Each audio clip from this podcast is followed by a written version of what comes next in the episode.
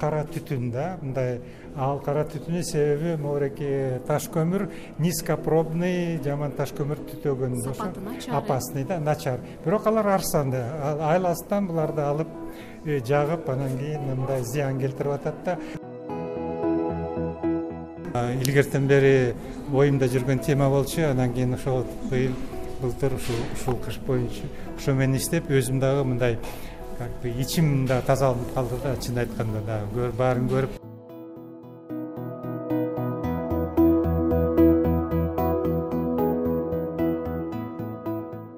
Саламатсызбы урматтуу угарман бишкектеги ыш көйгөйү бийликтин көпчүлүк инстанциясында айтылып бир нече изилдөөлөр жасалды.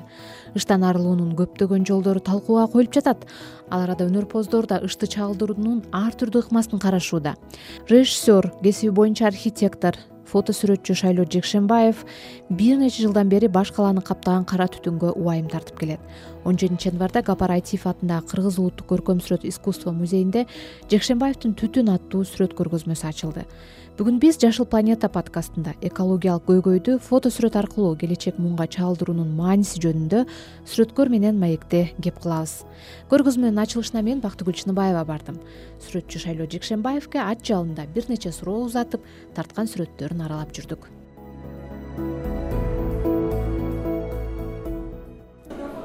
Көргөзмөнүн максаты эмне?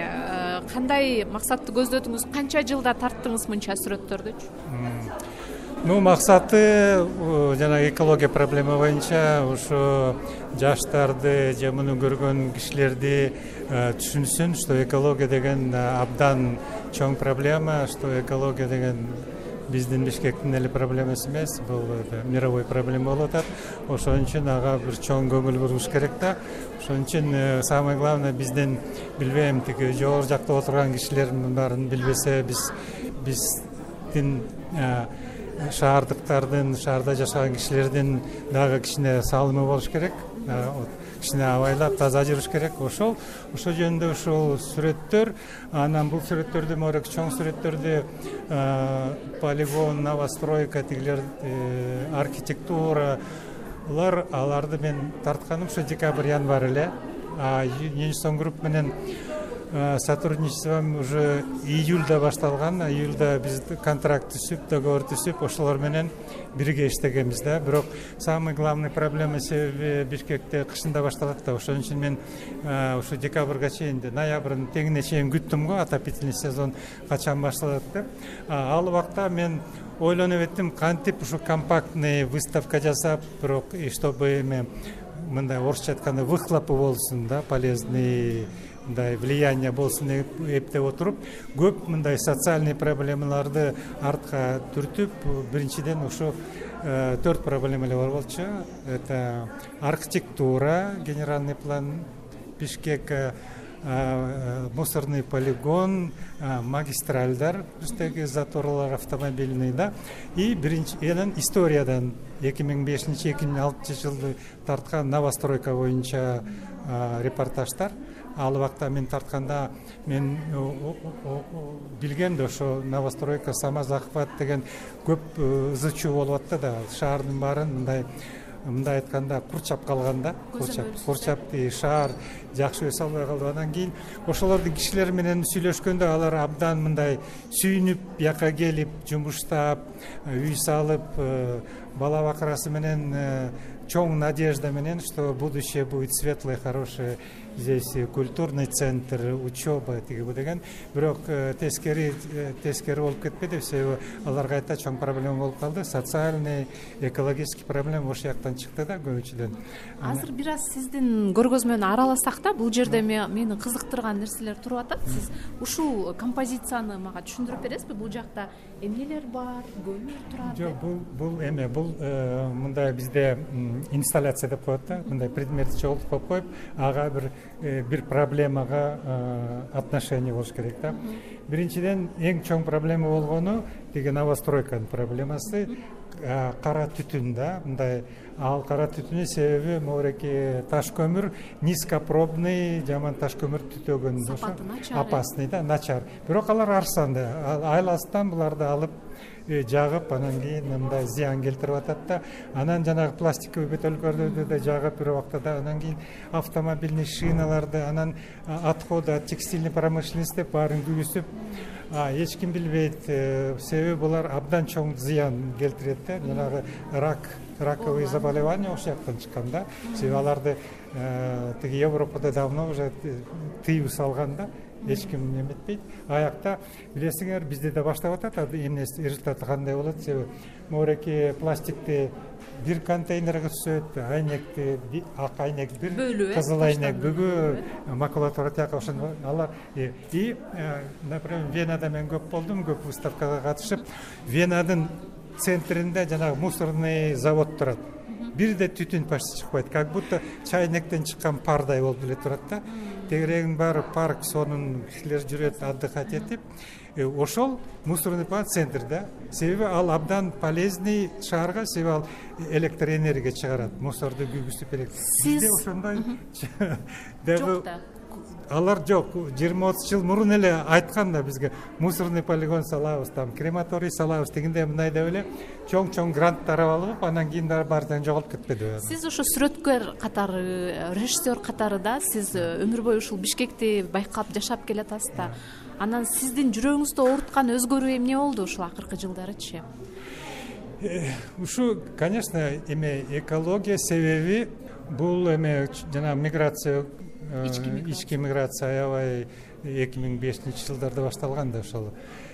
Андан кийин постепенно мындай грамотный архитектор главный архитектор горолорду э, вешать этип мындай уголовный дело калп эле аны алып таштабады баарын тазалап өзүлөрүнүн кишилерин коюп мэрияга главный архитектура тияк бияк проектный институтка коюп коюп анан кийин парктарды кыйратып э, дагы көп жакшы жерлерди экологический таза жерлердин баарын жанагы бөлүп берип э, элитный бир райондорду э, самостройкага берип атпадыбы сатып э.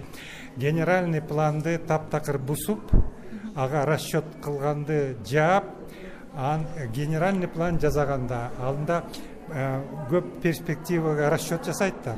Кайсы үйлөрдү кажеңге коет центр кандай болот э, мындай заповедный зона бишкекти элестетиш үчүн центр болчу да. Ажеңге башталбады баары так.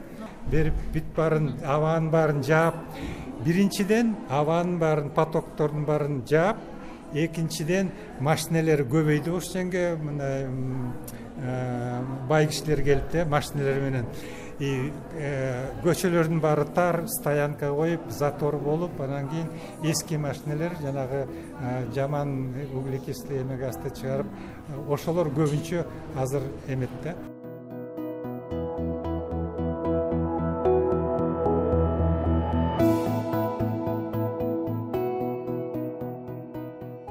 кадырман угарман сиз азаттык радиосунун жашыл планета подкастын угуп жатасыз.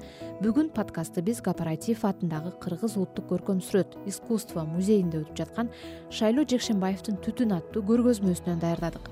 Микрофондо бактыгүл чыныбаева. Сүрөтчү шайлоо жекшенбаев эмгектеринин баардыгын ленталуу фотоаппарат менен көпчүлүгүн ак кара түстө тарткан. Ошентсе да түтүн дал ушул ак кара сүрөттөрдүн арасынан да көрүнүп бишкектеги оор абалды түссүз эле байкаса болот. Сексенден ашуун эмгектин арасынан өтө аз эле түстүү сүрөт бар. Караңгы ыш баскан бишкектин таштанды полигонундагы жагымсыз жыт ак кара түстөгү фото сүрөттөргө тартылса да андагы оор абалды таасын чагылдырып турат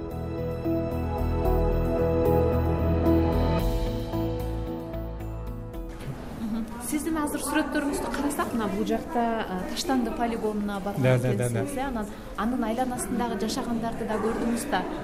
Да да таң калтырган эмне болду? Аябай эмнеге таң калдыңыз аяктан таң калдым себеби мына мусорный полигон э. Элдин баары ушул жерде бул аба эртең менен бияка кетсе алтын казык жыл бияка кетсе көрдүңүзбү кандай алар болсо өзүлөрү дагы жаман көмүр менен жашап атпайбы да а бияктан полигондо басып калып атпайбы басып калып атат дагы и двойной вред болуп атат. Балдары жаш балдардын баары уже аллергия оорукчал легкий рак деген бар ушул жакта. Азыр белгисиз болсо кийинчерээк кичине чоңойгондо баары бир ал эмеси тиет да. Сиз сүрөткер катары ошо өнөр адамы катары бул көйгөйдөн чыгуунун жолун да азыр биякта сүрөттөрдү да көрөлү деп атам. Чыгуунун жолун кандай мындай элестетесиз кантип чыкса болот ошого искусство адамдары кандай жардам бере алат деп ойлойсуз да? Эми искусство адамдары э, ушундай эме жакшы жакшы кураторлор келип э, ушундай чоң чоң проекттерди э, реализовать этип анан кийин көрсөтүп себеби ушундай сүрөт менен тарбияласа туурараак болот чем жанагы э, радиону же телевизордон сүйлөп тиги таштанды бул жаман негативный сөздөрдү айтып койсо алар как отчет который айтат го менимче. Э, көп э, ичинки сезими менен берилбей жөн эле мындай факттарды айтып коюп а эмес айтканыбыз болбой атат антип эле тигинтип атат деп. Себеби буяка искусствого культурага көбүрөөк ушу мамлекет көңүл бурса э министерство культурага бул творческий адамды көтөрүш оңой эле жардам берсе. Бирок биздерге өмүрүмдө көргөн жокмун ушинтип какой то бир жардам бир. Мына юнисен групп келип айтты биз менен бир сотрудничать эткиле ушундай бир проектибиз бар деп мен макул дедим себеби бул мага мындай илгертен бери оюмда жүргөн тема болчу анан кийин ошол быйыл былтыр ушул кыш боюнча ошо менен иштеп өзүм дагы мындай как бы ичим да тазаланып калды да чын айтканда дагы баарын көрүп себеби биз э, жанагы турмушту ойлоп отуруп тияк бияка чуркап жүрүп алар э, көпчүлүгү балдарынан да көп анча ойлобойт. Себеби мындай багыш керек балдарды дегенде мындай да. А мындай высокий искусство менен э, келгешсе балдарын да ушул жака мындай тарбия берип кошуп эме аралаштыруу э? Аралаштырса ошондо ошондо ошондо только мындай чоң э, сдвиг болушу мүмкүн да. А так конечно все. Турмуш оңолмоюнча э, экология да менимче оңолбойт го себеби.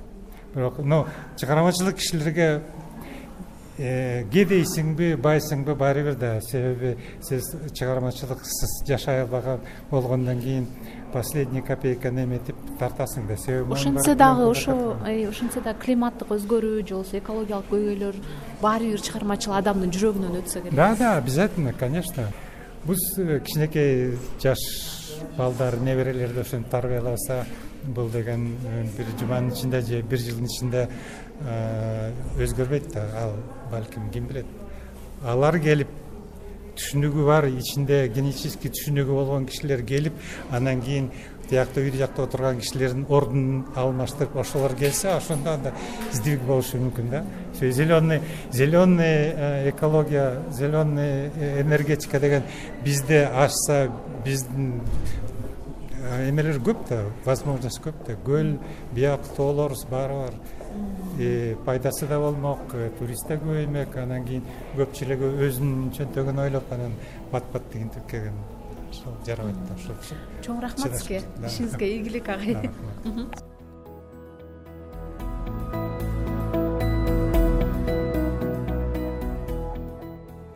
эл аралык көргөзмө жана фестивалдардын катышуучусу режиссер архитектор фото сүрөтчү шайлоо жекшенбаевдин түтүн көргөзмөсү экинчи февралга чейин уланмакчы. Каалоочулар кооператив атындагы кыргыз улуттук көркөм сүрөт искусство музейине барып көрсө болот кадырман угарман сиз жашыл планета подкастын уктуңуз. Аны мен бактыгүл чыныбаева даярдадым. Саламатта туруңуз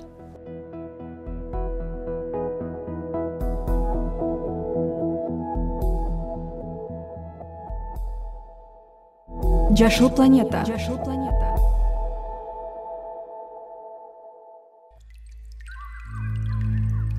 интернет менен роботтун заманында атмосфера булганып климат өзгөрүп жаткан маалда жашыл планетаны кантип сактап калабыз? Табиятка аяр мамиледе болуп өзүбүз жашаган аймактын экосистемасына кам көрүп туруктуу өнүгүүгө салым кошо алабызбы азаттыктын жашыл планета программасында экологиялык көйгөйлөрдү көтөрүп климаттын өзгөрүүсүнүн биздин жашоого тийгизген таасиринен кеп салабыз.